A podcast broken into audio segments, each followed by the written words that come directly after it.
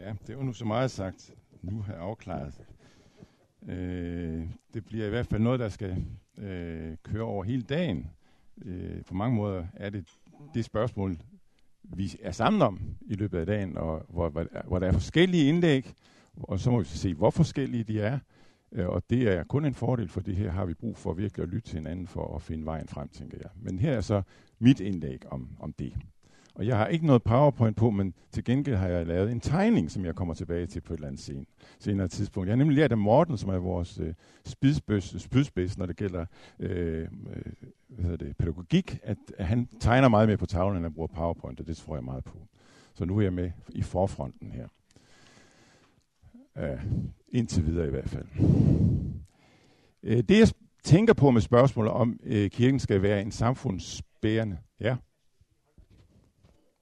fint, tak. Øh, som jeg tænker på i forbindelse med det her spørgsmål, er ikke så meget folkekirke eller ikke folkekirke, det er ikke det, jeg tænker på med samfundsbærende institution.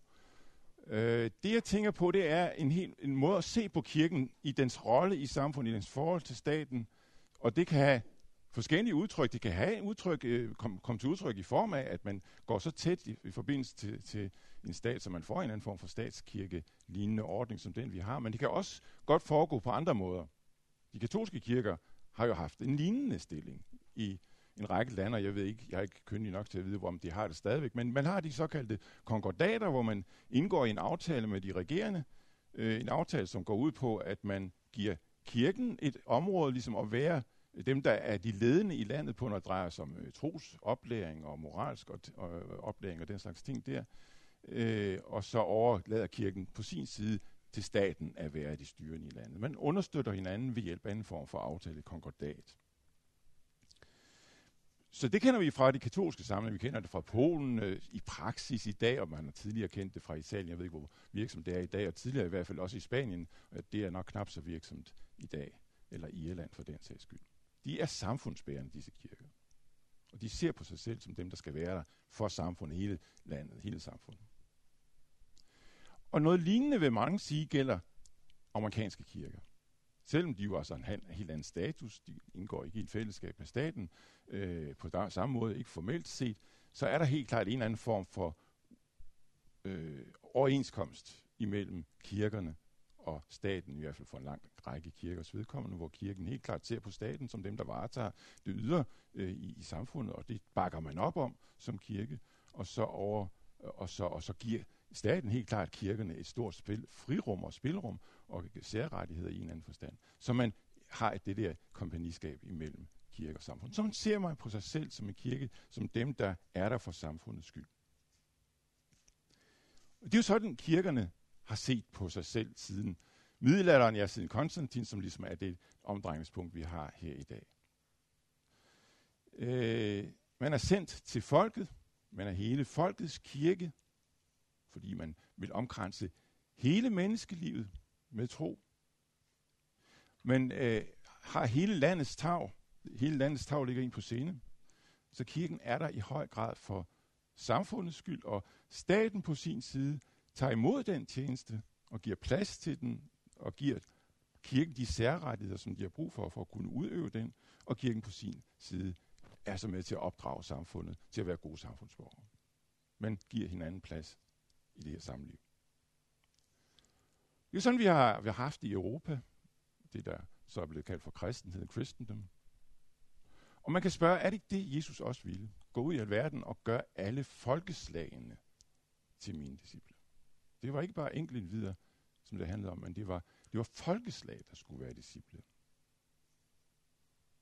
Også fordi, at Kristus er alles herre, der er universelt herre, der vi har med at gøre. Det omfatter alt. Det er jo det, der er ved at forsvinde i Europa i dag. Det er jo noget af baggrunden for, at vi har taget det op her, ikke også? De styrende i Europa vender sig mere eller mindre åbenlyst imod kristendommen som en samfundsbærende ideologi. Kirke og kristendom marginaliseres. Kristendom må ikke nævnes i EU's charter. Konfirmandundervisning skal ligge uden for skoletiden, for at nævne to ting, sådan lidt i vigtighed i forskellige øh, dele af aspekter, men alligevel. Der kæmpes andre steder, for eksempel i England, om, om der kan bæres kristne symboler i det offentlige rum. Kirkernes medlemstal rasler ned i de fleste europæiske lande. Ikke så hurtigt i Danmark, sjov nok, som i de andre, men også hos os. Ikke rasler ned, det ord vil man nok ikke bruge alligevel. Og, og reaktionen hos de fleste herhjemme over for det, og det gælder hele spektret rundt, er, at det her det er begrædeligt. Det må vi gøre noget ved. Vi må sørge for, at det ikke sker. Det gælder både konservative og mere liberale. Vi må fastholde så meget af det gamle samliv mellem stat og kirke øh, som muligt, måske nok i en ny form, men alligevel. Hos de konservative kristne, for nu at bruge en lidt firkantet øh, betegnelse i den her sammenhæng, jamen så ser man frem mod, at det engang kommer til at ændre sig. Man ser frem mod den omfattende folkevækkelse, hvor mennesker i stort tal bliver, bliver, igen bliver grebet af levende kristen tro. Det er da det, vi håber på og ser frem til.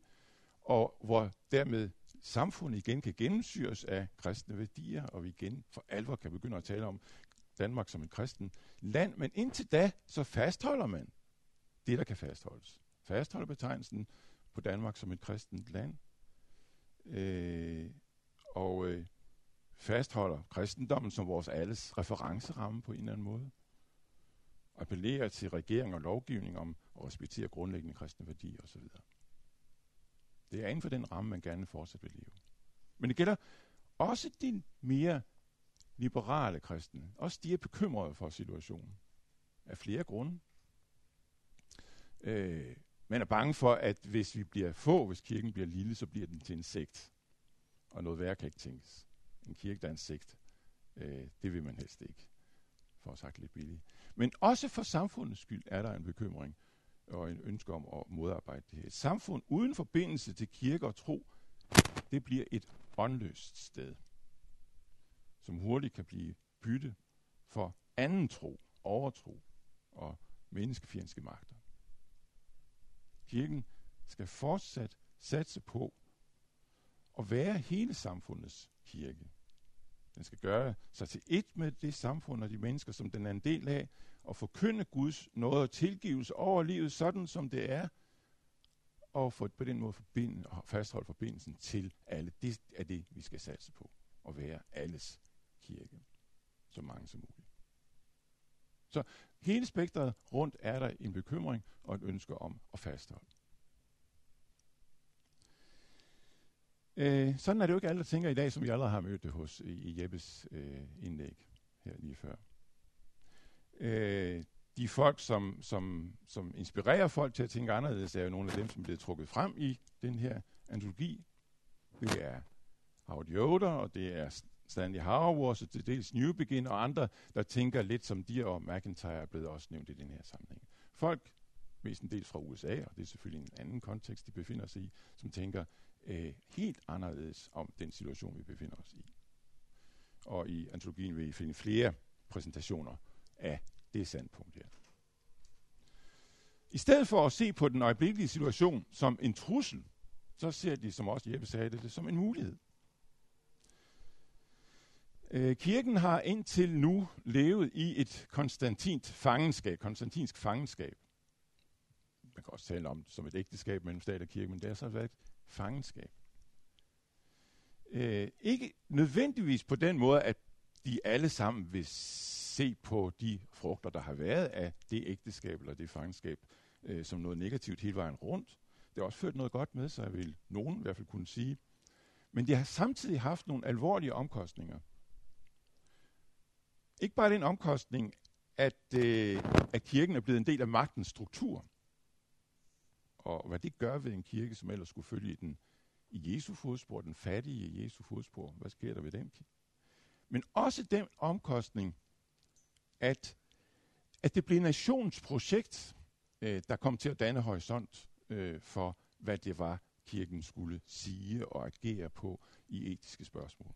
Nationens projekt at det, vi byder ind på. Selvfølgelig taler vi også om himlen, men det er så det hinsidige. Det, der har med denne jord at gøre, det er nationen, der danner rammen for det. Det er der, vi skal byde ind med noget. Det er det, vi skal fremme. Det bliver horisonten for livet i verden. Men nu er det ægteskab altså ved at blive opløst.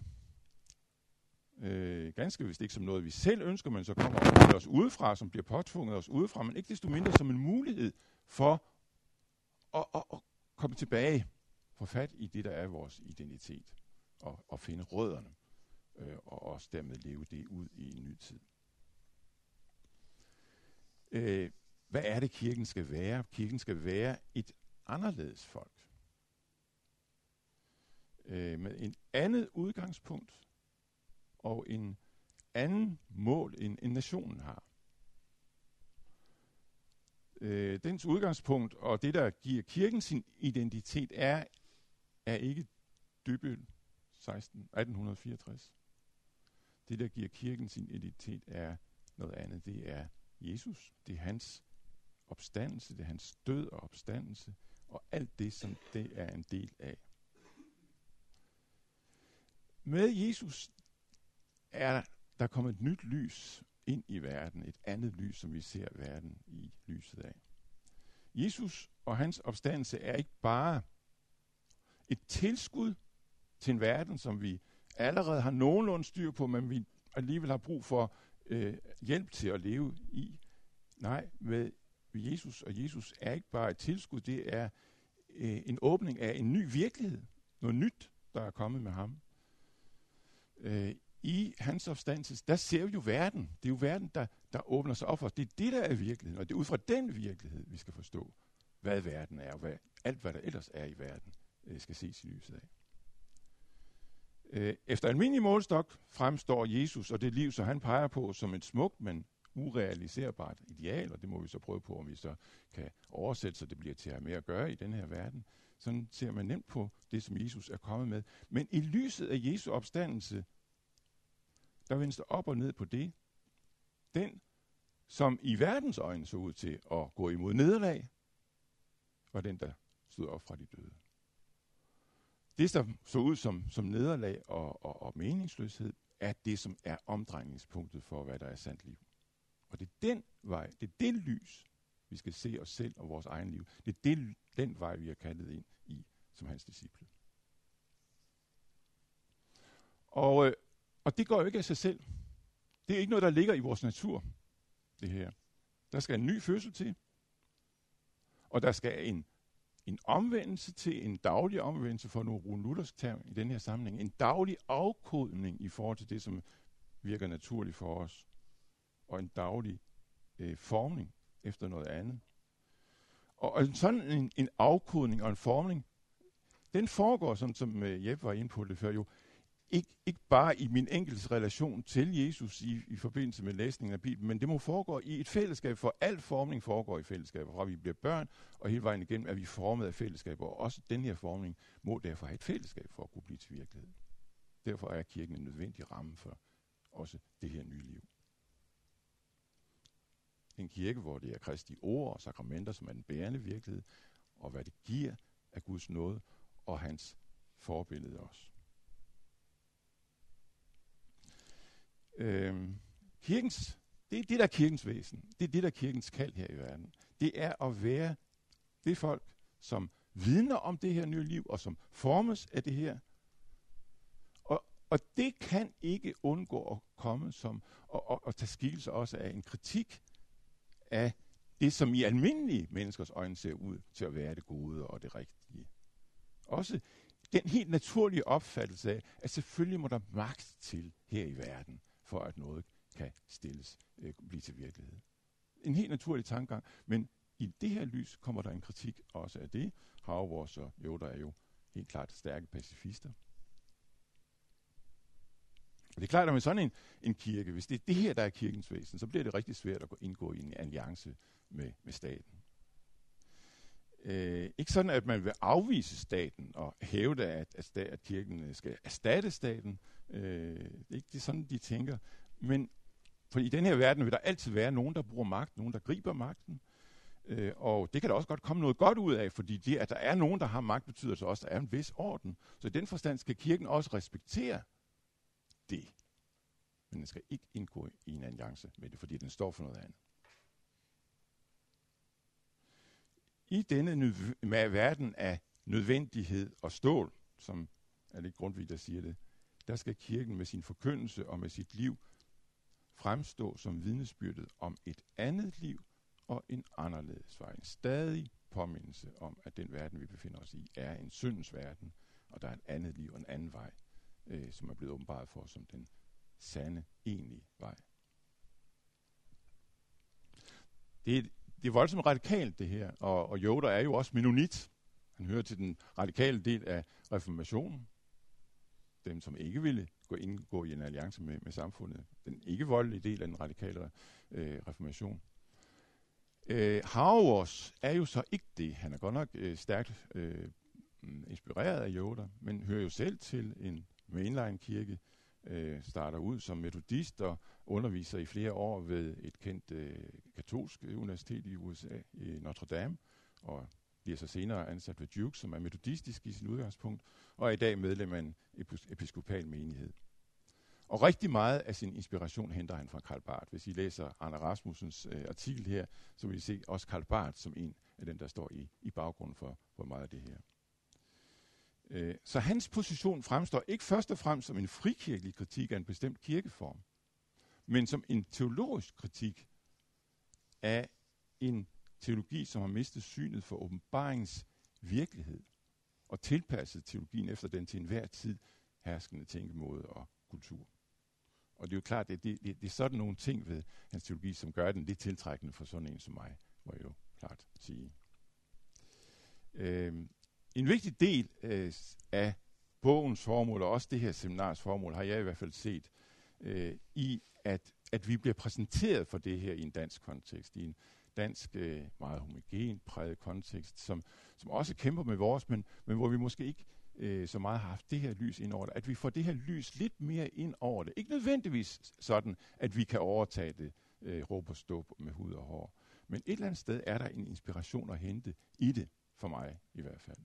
Og noget af det, som, som gør, at jeg finder det inspirerende, er, at der i den her forståelse af kirken, i dens relation til samfundet, er en forståelse, som også peger lidt fremad, som ikke bare ser tilbage på, hvordan det var, og prøver på at genetablere det, der var, og dermed på en eller anden måde har en begrædelighed over sig, og en sorg over sig, men at det ser det her med, at der er en mulighed i det. At være kirke i en ny situation faktisk giver os nu, nu et, et, et håb for fremtiden, er noget af grunden til, at jeg synes, der er noget at, at hente i, i det her. Men spørgsmålet er selvfølgelig, hvor meget, og hvor det eventuelt kæden hopper af. Øh, det jeg har tænkt mig at gøre nu her øh, i det følgende, øh, det er at trække en ressource ind i, øh, i det her, som måske virker lidt sjovt, nemlig øh, Luthers toregimentlærer. Fordi nogen vil sige, hvad har Luthers toregimentlærer med det her at gøre? Det er jo fuldstændig noget helt, helt andet. Øh, Havers og Luthers toregimentlærer kan vel slet ikke øh, forenes, så hvordan kan det bringes i spil, hvis jeg har udvist en vis sympati for Havers i den her sammenhæng? Men jeg tror, at Luthers toregimente for det første er uomgængelig for os, fordi vi nu altså er i den sammenhæng, vi, vi er i, og vi kan ikke bare lægge den til side og køre derud af, uden at relatere den til den på en eller anden måde. Vi bliver nødt til at forholde os til den et eller andet sted. Det er den ene grund til, at vi bliver nødt til at tage den op, og som jeg også har så har gjort i et par artikler her i, i bogen her. Men en anden grund er, at jeg tror, at Luthers toregimente ikke er helt så konstantinsk og konserverende, som vi normalt måske tænker, at den er. Og det er jo det, jeg gerne vil prøve på at, at vise her. Øh, I den almindelige opfattelse af Luthers to lærer, øh, og den er der mange repræsentanter for, mange gode repræsentanter for, øh, der opfattes øh, og repræsenterer de to regimenter to aspekter på alle menneskers liv. Jeg har prøvet på at tegne det, og det er meget forløbige tegninger. Skal vi sige, en almindelig opfattelse af to regimenter, det er, det er to aspekter på den samme mængde mennesker, så at sige. Den samme flok mennesker, nationen, alle der er. Det er to regimenter. De har hver sit område at tage vare på. Øh, det åndelige regiment, skal vi ikke sige, det er den røde i den her sammenhæng. Det åndelige regimente, det er dem, der tager vare på Guds forhold, det er dem, der tager vare på det evige, dem, der tager vare på sjælens frelse, det er dem, der tager vare på på hjertet, alt det, der har med et indre menneske at gøre, og det er evangeliet, og det er sakramenterne, som er midlet til det, og, og, og det åndelige regimente med, med præsternes tjeneste, som er midlet til at tage vare på det. Der tages der vare på det indre menneske. Og så er det der det værste i regimentet, som har en selvstændighed i forhold til det andet, som øh, har sin egen top, så at sige, og de skal ikke gøre så meget ud af, at der er et område her, som ikke er dækket af, fordi det, det dækker sådan set hinanden. Jeg tror, at øh, Kurt, du brugte ordet paradox øh, som en karakteristik af, af, af den her relation hos Nibur, øh, og det kan man bedst selvfølgelig historie, hvis de dækkede hinanden fuldstændig, og det burde de måske gøre. Men det er ligesom for at tegne, sige, at der er så alligevel er to, vi har med at gøre her i Kølsen. Det er det værste i regimentet, det tager sig det ydre. Der, der er det det ydre menneskeliv, vi, vi, vi skal øh, gestalte, og det er det, det værste i sig, øh, øh, regimenter har fået ansvaret for med sine love, sine magtmidler, men også sine positive ting, de rammer, som det skal sætte for et samfundsliv. Det giver en harmonisk øh, forståelse og arbejdsdeling mellem kirke og stat. Kirken tager sig det ydre, kirken tager sig det indre, og staten tager sig det ydre. Og, og der kan kun opstå spændinger imellem dem, så længe, øh, øh, øh hvis de overskrider det. Så længe de holder sig til hver til sidst, så er det spændingsfrit. Så fungerer det rigtig godt sammen. Øh, og tænkningen, kan man jo roligt sige, passer utrolig godt til det konstantinske, ikke også? Kejseren og og det åndelige regimente, der dækker hele nationen. Det hele bliver taget vare på. Og kejseren på, eller kongen eller fyrsten, må så også på en eller anden måde også relatere til det kristne og holde sig inden for det kristne. Øh, jeg tror, det er for enkelt og for harmonisk, det her billede. Det lider af en afgørende mangel, og den mangel øh, vil jeg trække en anden, øh, en, en, en, øh, en tysk teolog frem, som skrev noget om det her fra starten af 50'erne og ind i 60'erne, som i starten godt nok bliver modsagt en hel del.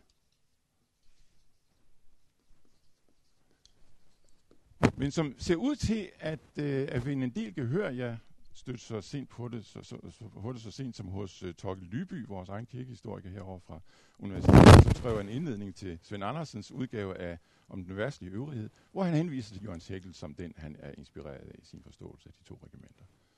Så, så, så han har altså vundet en vis agtelse. Og jeg synes, at hans forståelse for mig at se dækker rigtig, rigtig godt det, jeg selv har læst hos Luther, især i hans yngre skrifter omkring de her ting.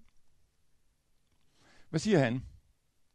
Han siger, at Luthers lære om de to regimenter kun er forståelig på baggrund af en klar forståelse af kampen mellem Guds og djævelens rige. Regimente og rige er ikke det samme. Der er bagved det hele en kamp mellem Gud og djævlen. Mellem Guds og djævelens rige. Og så er det ikke sådan, at regimentet, det værste regimente, så er lige med øh, det djævel, djævelens rige, at det værste regiment hører til i djævelens rige. Det er slet ikke sådan, at tænker. Men baggrunden for, at vi har de to regimenter, er denne grundlæggende kamp mellem Guds og djævelens rige. Og det er det, jeg så prøvede på at illustrere her. Også virkelig, virkelig øh, øh, uigennemtænkt, selvom jeg har brugt det nogle gange her i et forløb, jeg har haft her i foråret, men, men, men det kom til mig, og jeg er lidt spontan på det her måde. Men nu fastholder jeg det på en eller anden måde. Det er to riger, der står over for hinanden. Vi kender det fra Augustin. Augustin taler rigtig meget i de her linjer, ikke også? To riger, der står over for hinanden, og det er også sådan, Luther i udgangspunktet tænker omkring de her ting. Vi har djævlen, som er denne verdens fyrste, som har sat sig på denne verden, og hvor mennesken er er, er, er underlagt ham både som en magt, men også på den måde, at de følger ham gerne. Og over for ham, der står altså Gud, og han har også et rige, og han er i gang med at kaste denne verdens fyrste på porten. Og, og det er det rige, som Kristus så kommer med, forkynder og selv virkelig gør i sin død og sin opstandelse.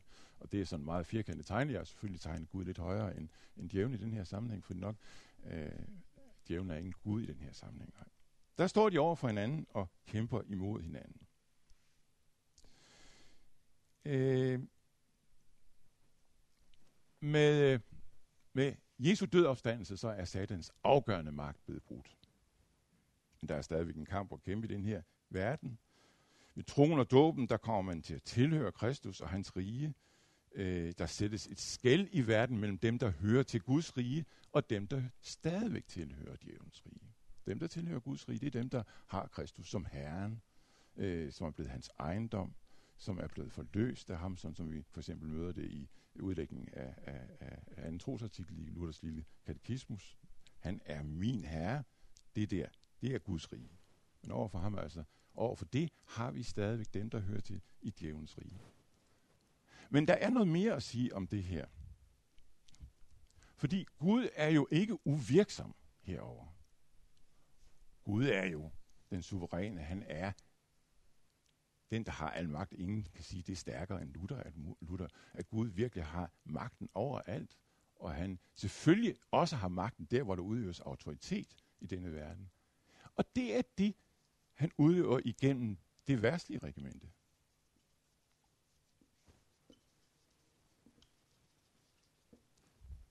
Her har vi det åndelige regimente. Det her, øh, vi har ordet sakramenterne som grundlæggende virkemidler. Her i det værtslige regimente, hvad er virkemidlerne der? Ja, det er den myndighed, der nogle gange er i samfundet. Det er, det er fyrsterne. Det er de lov regler og de magtmidler, som de er i, i, i besiddelse af.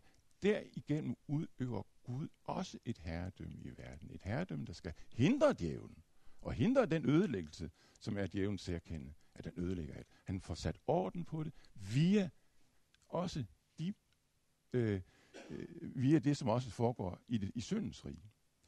Han gør det ved hjælp af syndige redskaber. Gud er ikke uden for der, hvor der også er syndige mennesker på færre, og, og også i en Han gør det ved hjælp af syndige redskaber. Det kan man i høj grad også se på dem, som agerer i det værste rige. Ingen kan stærkere end nu, der taler om denne verdens fyrster som nogle slyngler, men han gør noget godt igennem dem samtidig. Inden for dette rige er de kristne ikke borgere. Det er ikke deres rige, det her. Øh, de lever jo efter bjergprædiken. Det siger Luther igen og igen meget stærkt. De lever efter bjergprædiken. De har ikke brug for den ydre tvang, som er herover. Så det er de ikke borgere. Øh, de lever efter bjergprædiken, hvor man villig afgiver give afkald på sin ret, ikke er ude efter egen vending, vender den anden kind til, hvis man bliver slået på den ene osv. Man har ikke brug for ydre tvang eller trussel eller straf for at gøre det gode. Det er, er et regimente, som er indrettet med henblik på dem, der ikke af sig selv gør dette. Gud tvinger dem så. Men det betyder ikke, at de kristne så skal holde sig væk fra det område der. Det var det, som munkene på en eller anden måde tænkte, og det var det, som den radikale reformation stod for. Dette syndens rige kan vi ikke være en del af. Så man holder sig væk fra det, men øh, øh, gør, går i kloster, eller man holder sig for sig selv i sine egne cirkler, og, og vil ikke have noget med denne øh, verdens øh, syndighed at gøre.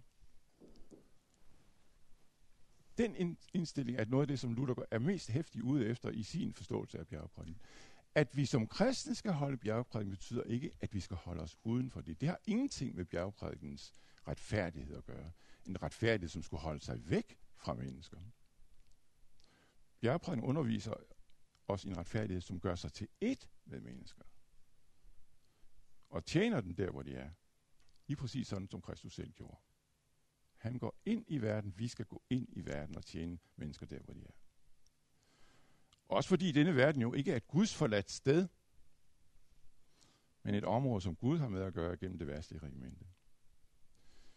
Godt nok er det ikke et regimente, der er indrettet på de kristne, men det er dog stadigvæk Guds, som han vil bruge til noget godt i denne verden, og den skal de, en kristen selvfølgelig ikke holde sig udenfor, men tværtimod til del i.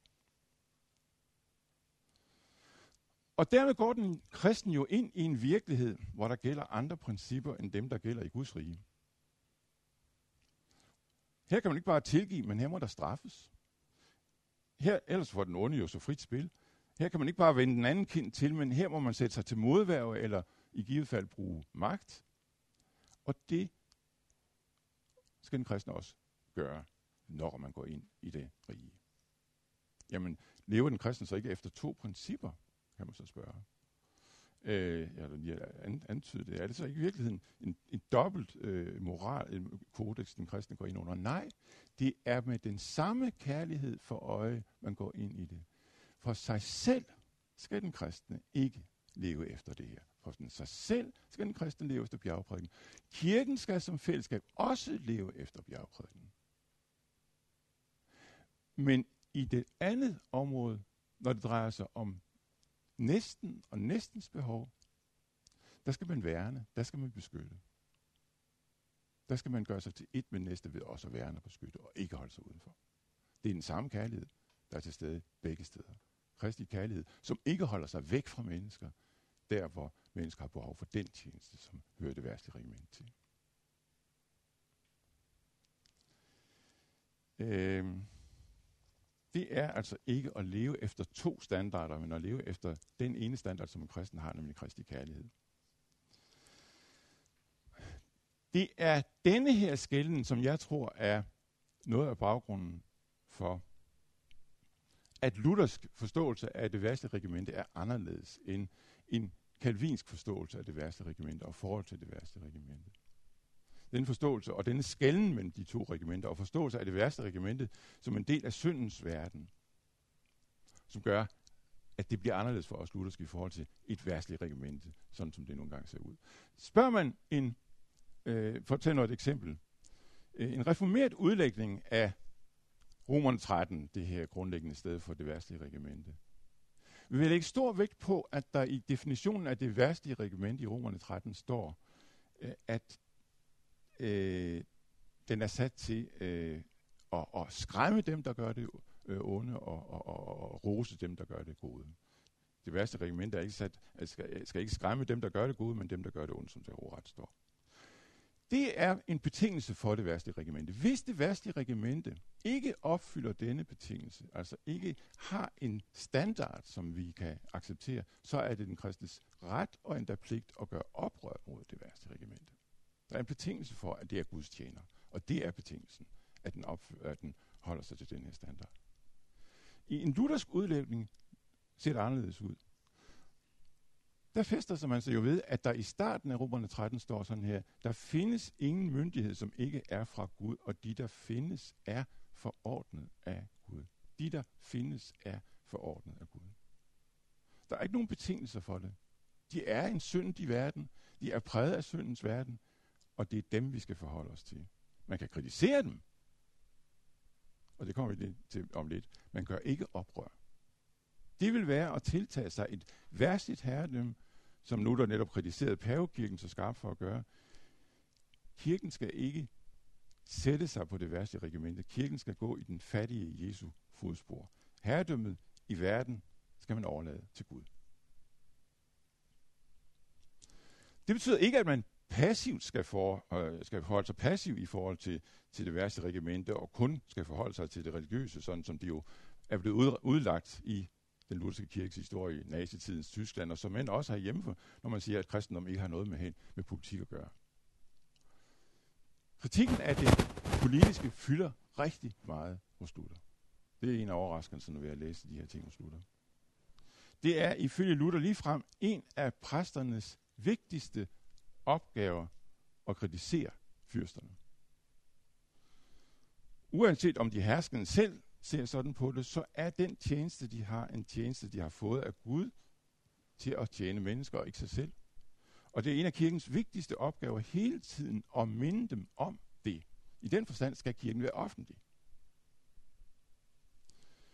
Øh, Luther kan nogle steder gå så langt i det her, så han også pålægger fyrsterne at øh, sørge for, at det er den rette lærer, der læres i landet, og i den sammenhæng kan tænke næsten konstantinsk fuldstændig, som, som vi, vi kender det også fra en kalvinsk sammenhæng.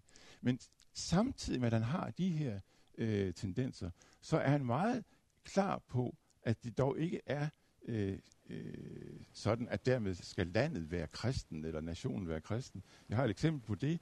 Da de kristne i slutningen af 1520'erne, eller da Europa i slutningen af 1520'erne i den grad var truet af tyrkerne og kaldt til samling for at gå i krig mod dem, så reagerer Luther skarpt på, at den krig skal ske under et korsbanner. Det her er en forsvarskrig, det er en beskyttelseskrig, det er rigtigt, at man må gå i krigen, men det skal ikke være under et korsbanner. Det er ikke en kristen krig. Det er det ikke. Et land er som aldrig sådan kristent. De kristne er dem, der hører hyrdens røst og lever efter hans ord, og de få. De skal leve midt i denne verden og skal tage del i den og dens bestræbelser på at skabe gode kår for mennesker og hindre det under at brede sig, ja. Men det sker ikke ud fra en tro på, at verden derved bliver kristen. Kun ud fra ønsket om at gøre den til et så godt sted som muligt, hvilket for Luther naturligvis også vil sige at skabe rum for Gud. men netop rum og ikke mere. Ja, og så er jeg jo næsten ved at være ved grænsen af det, jeg skal sige noget om, og jeg mangler det sidste øh, afsnit, som jeg skulle sige noget om også. Og det skulle jo så være, være at gå tilbage til det grundlæggende spørgsmål, nemlig, bør kirken være en samfundsbærende institution? Øh, når jeg har taget Luther frem og tænker, at han er en inspiration i vores samling i den her sammenhæng, så er det fordi, øh, at jeg tænker, at Luther på en anden måde end dem, der tænker konstantinsk om kirken, forstår kirken som et særligt folk. Et folk, der ikke er identisk med nationen. Et anderledes folk. På en anden måde end for eksempel Calvin gør. Og i den forstand ligner en hel del af det, vi møder hos os og Joder og den slags folk. Men det andet, som så er inspirationen hos Luther til forskel for de her folk, det er hans tale om det værste i regimentet, og hans positive tale om den, at det at tjene og gå i Jesu fodspor, også har noget med at tjene i denne verden, i det værste regiment at gøre. Øh, så jeg ser Luthers forståelse her som et rigtig godt nedslag af, hvad jeg forstår som en eskatologisk eksistens, øh, at være i den kommende æons allerede og en del af det, og samtidig være en del af denne verdens, øh, øh, øh være en del af det, det endnu ikke er en del af denne verden. Ja, bør kirken være en samfundsbærende institution? Et hurtigt bud. Øh, mange er, er virkelig bekymrede, og jeg kan godt forstå den bekymring over den sekulære tankegang, den er ved at brede sig. Den er ikke godt for mennesket. Øh, mennesket om sammenhængskraften imellem mennesker kan ikke klares ved overfladiske værdier som tolerance og demokrati. Der skal noget mere dybere liggende til, og hvis ikke de får del i sådan nogle værdier, så bliver samfundet en alles kamp mod alle. Det er, den, det er den bekymring, der er over den sekulære tendens, som vi er ude i for tiden. Hvad skal vi gøre? Og jeg kan godt forstå den bekymring. Øh, og den er heller ikke fremme for kristen tro, for det er da vores tro og overbevisning, at virkeligheden ikke forstås eller hænger sammen, hvor man skærer forbindelsen til Gud over. Det gælder over hele linjen, også for mennesker i al almindelighed. Øh, det har ikke bare konsekvenser for det evige liv, men også for dette liv at skære forbindelsen til Gud over. Så hvis vi går i fodsporene af ham, som ynkes over menneskene, fordi de er som får uden hyrde, så kan vi da ikke være ligeglade med det, der sker. Men jeg tror ikke, at det kan ske ved at sikre kirke og kristendom en officiel plads i samfundet. Det er det, jeg spørger efter. Kan vi sikre, og skal vi arbejde på at sikre det her, ved at sikre kirken en officiel plads i samfundet? Det er muligt, at det kunne lade sig bedre gøre før. For midt i sin enhed med de herskende, så var, tidligere kirke en lang, var der i den tidlige kirke en langt stærkere bevidsthed om at være tjener for en anden virkelighed. Øh, og et andet rige end kongens eller de herskens. Men grundlæggende var der også dengang problemet med, at man var en del af magten i samfundet, og brugte den til at fremme kirkens sag. Og så bliver det rigtig svært at se en kirke som, kirken, der, som, som den, der går i den fattige og lidende Jesu fodspor. Øh, jeg tror ikke, at vejen frem for en genoplevelse af kristne værdier og kristen tro i Danmark eller i Europa går via en sikring af kirkens eller kristendommens officielle status. Jeg taler ikke her om mod folkekirken som institution. Det handler om, hvordan vi konkret ser på os selv som den kirke, vi nu engang er, folkekirke som den er. Er det den officielle status, vi skal pukke på og arbejde på at sikre? Er det det, der er vejen frem? Det tror jeg ikke. Vejen frem er at være kirke. Det er kirkens første og grundlæggende kald. Det er her, vi har noget at lære af vores. Kirkens første kald er at være tro. Tro mod skrifterne og det, de bevidner, hvilket ikke bare er en troskab mod en lærer, et budskab, en bekendelse, men også mod et liv. Alt det, Jesus har befalet os. Skrifterne bevidner et folks historie med omdrejningspunktet i Jesus. Det er dette folk, kirken er kaldet til at være i dag. I nye tider og under nye forhold, og derfor en stadig arbejde med og nybesindelse på udgangspunktet, men altid med ham og hans liv for øje. Øh, det er dette talen eller ønsket om, at kirken skal være samfundsbærende, alt for let kommer til at opløse eller gøre utydeligt. Øh, denne tale kan have de bedste hensigter, men er der for, ikke for sin egen skyld, men for de andres. Men med ønsket om at være samfundsbærende kommer også alt for let ønsket om ikke at støde og fremstille en kristendom, der er rimelig, som ikke spænder buen for hårdt.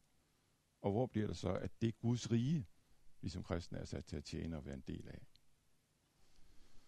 Det betyder ikke, at man som kirke skal trække sig ud af samfundet og tilbage i sine egne cirkler i klostret eller i menighedens fællesskab. Det her, Harvars og lignende tiltag, efter min mening, kan komme for, til kort.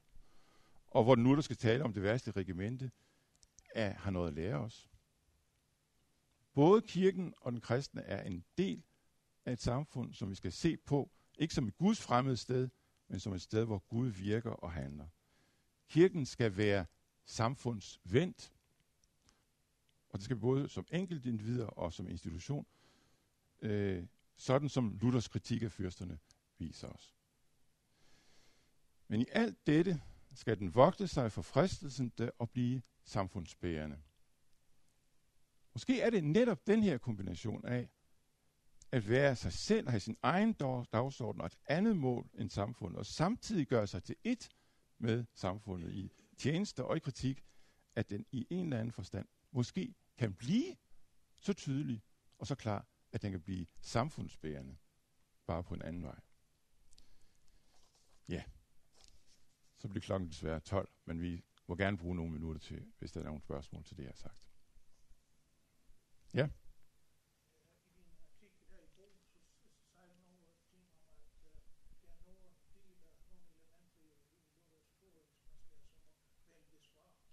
Ja.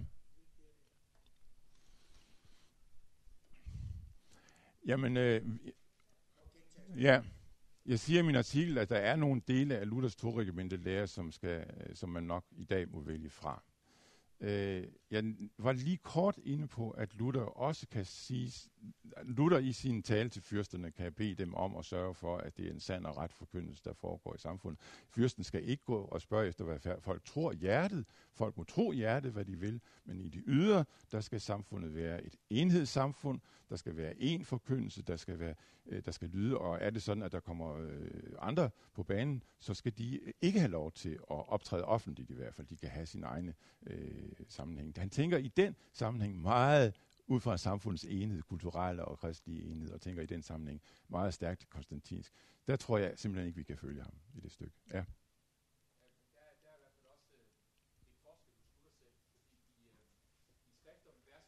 Ja.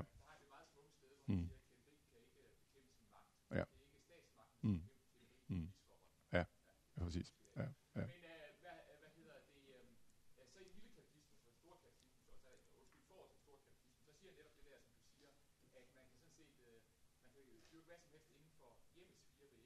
Ja, okay. Ja, ja. Ja. Ja. Ja. Ja.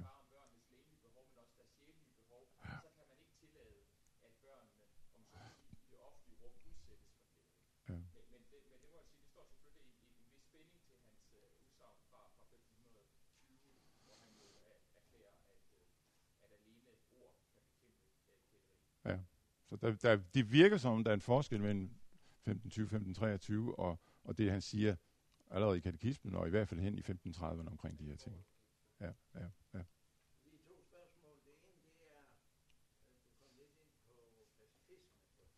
Ja.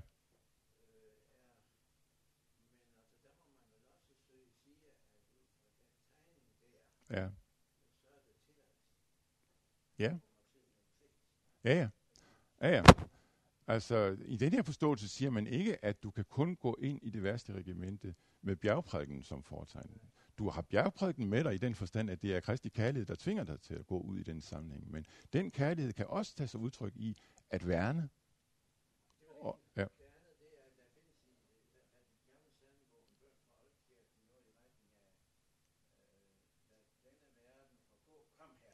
Ja. Nej, præcis, præcis. Det er den, der, det er den, det, det er den bevidsthed, vi skal have frem. Ja. Ja. Denne verden er det, der skal forgå. Denne verden er en, en foreløbig ting, en ting, som vi ikke skal holde os ud fra, men som vi skal tjene i, men det er ikke virkeligheden. Det er os, der har fat i den lange ende et eller andet sted. Ja, ja så er dig.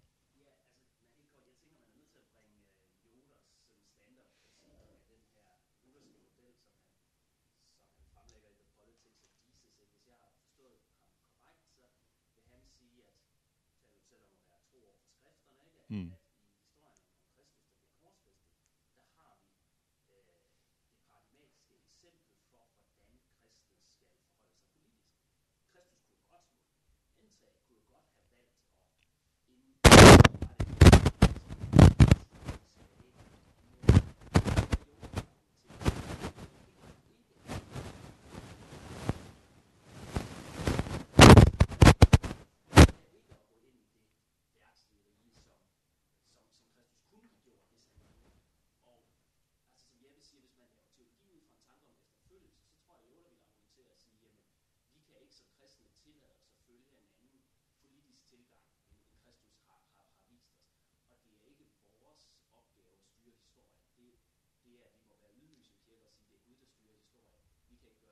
Mm.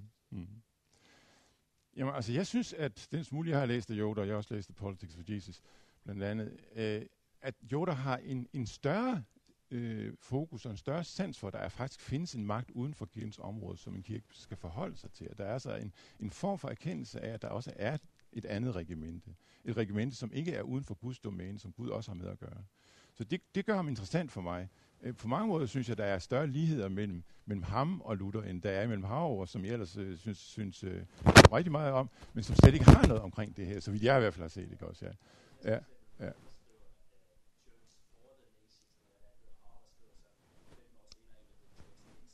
Okay, ja, ja, ja.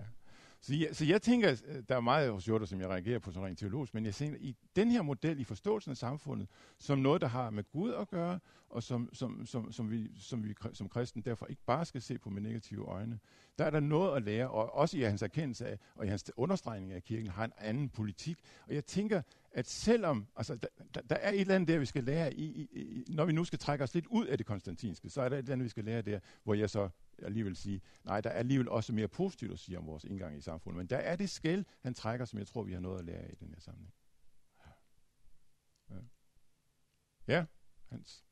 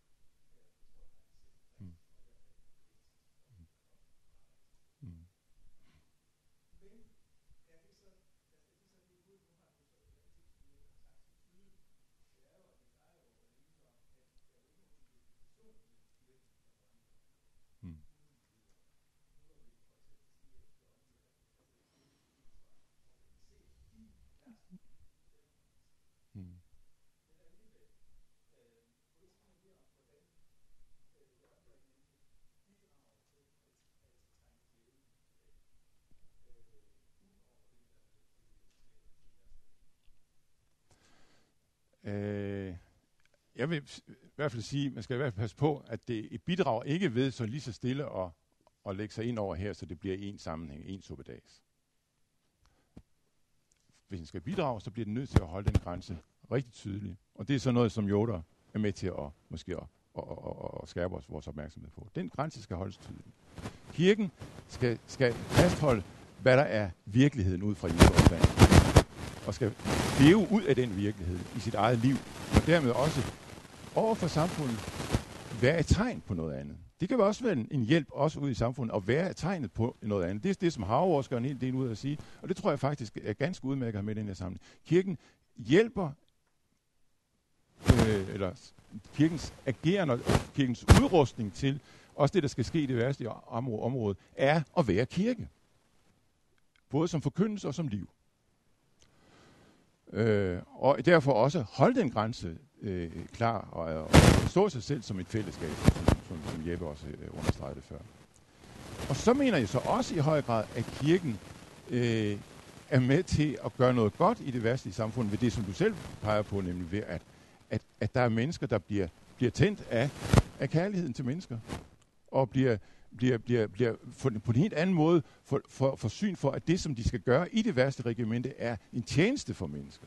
Ikke deres egen øh, karriere eller deres egen magt eller noget som helst, men at de er en tjeneste for mennesker. Det er sådan, Luther i den grad bruger øh, de her ting i sin kritik af fyrsterne. Det er det, de skal gøre. Og på den måde kan kristne jo blive bedre fyrster end så mange andre.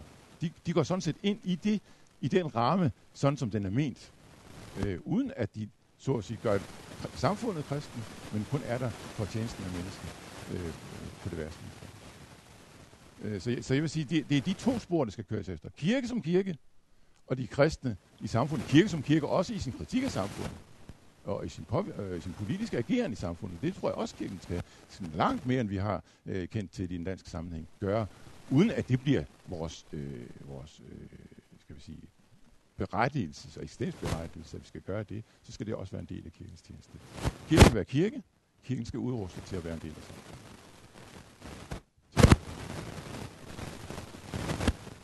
Ja. Det er irriterende det her. Hvad skal, hvad skal man gøre? Nå, væk. Ja. Sådan. Ja.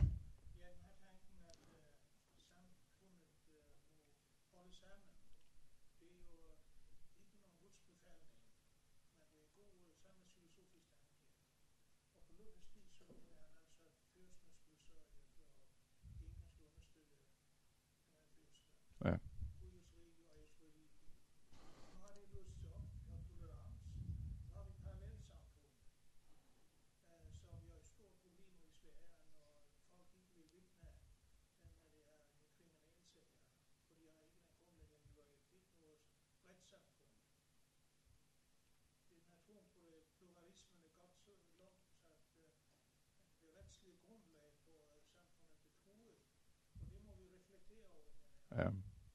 Men hvordan skal vi genfinde det? Hvordan skal vi genvinde det? Altså kan det kun genvindes ved, at vi får et en fælles religiøs grundlag for det? Tænk. Øh, det, ja, noget grundlag, ja. ja. Men det er jo det, der er det store spørgsmål. For det er rigtigt, altså jagttagelsen er rigtig, og spørgsmålet er, hvordan når vi tilbage til det? Når vi kun tilbage til det ved, at vi går, vender tilbage til det konstantinske, det, det, det tror jeg ikke rigtigt på. Stadigvæk. Ja. Ja. Ja.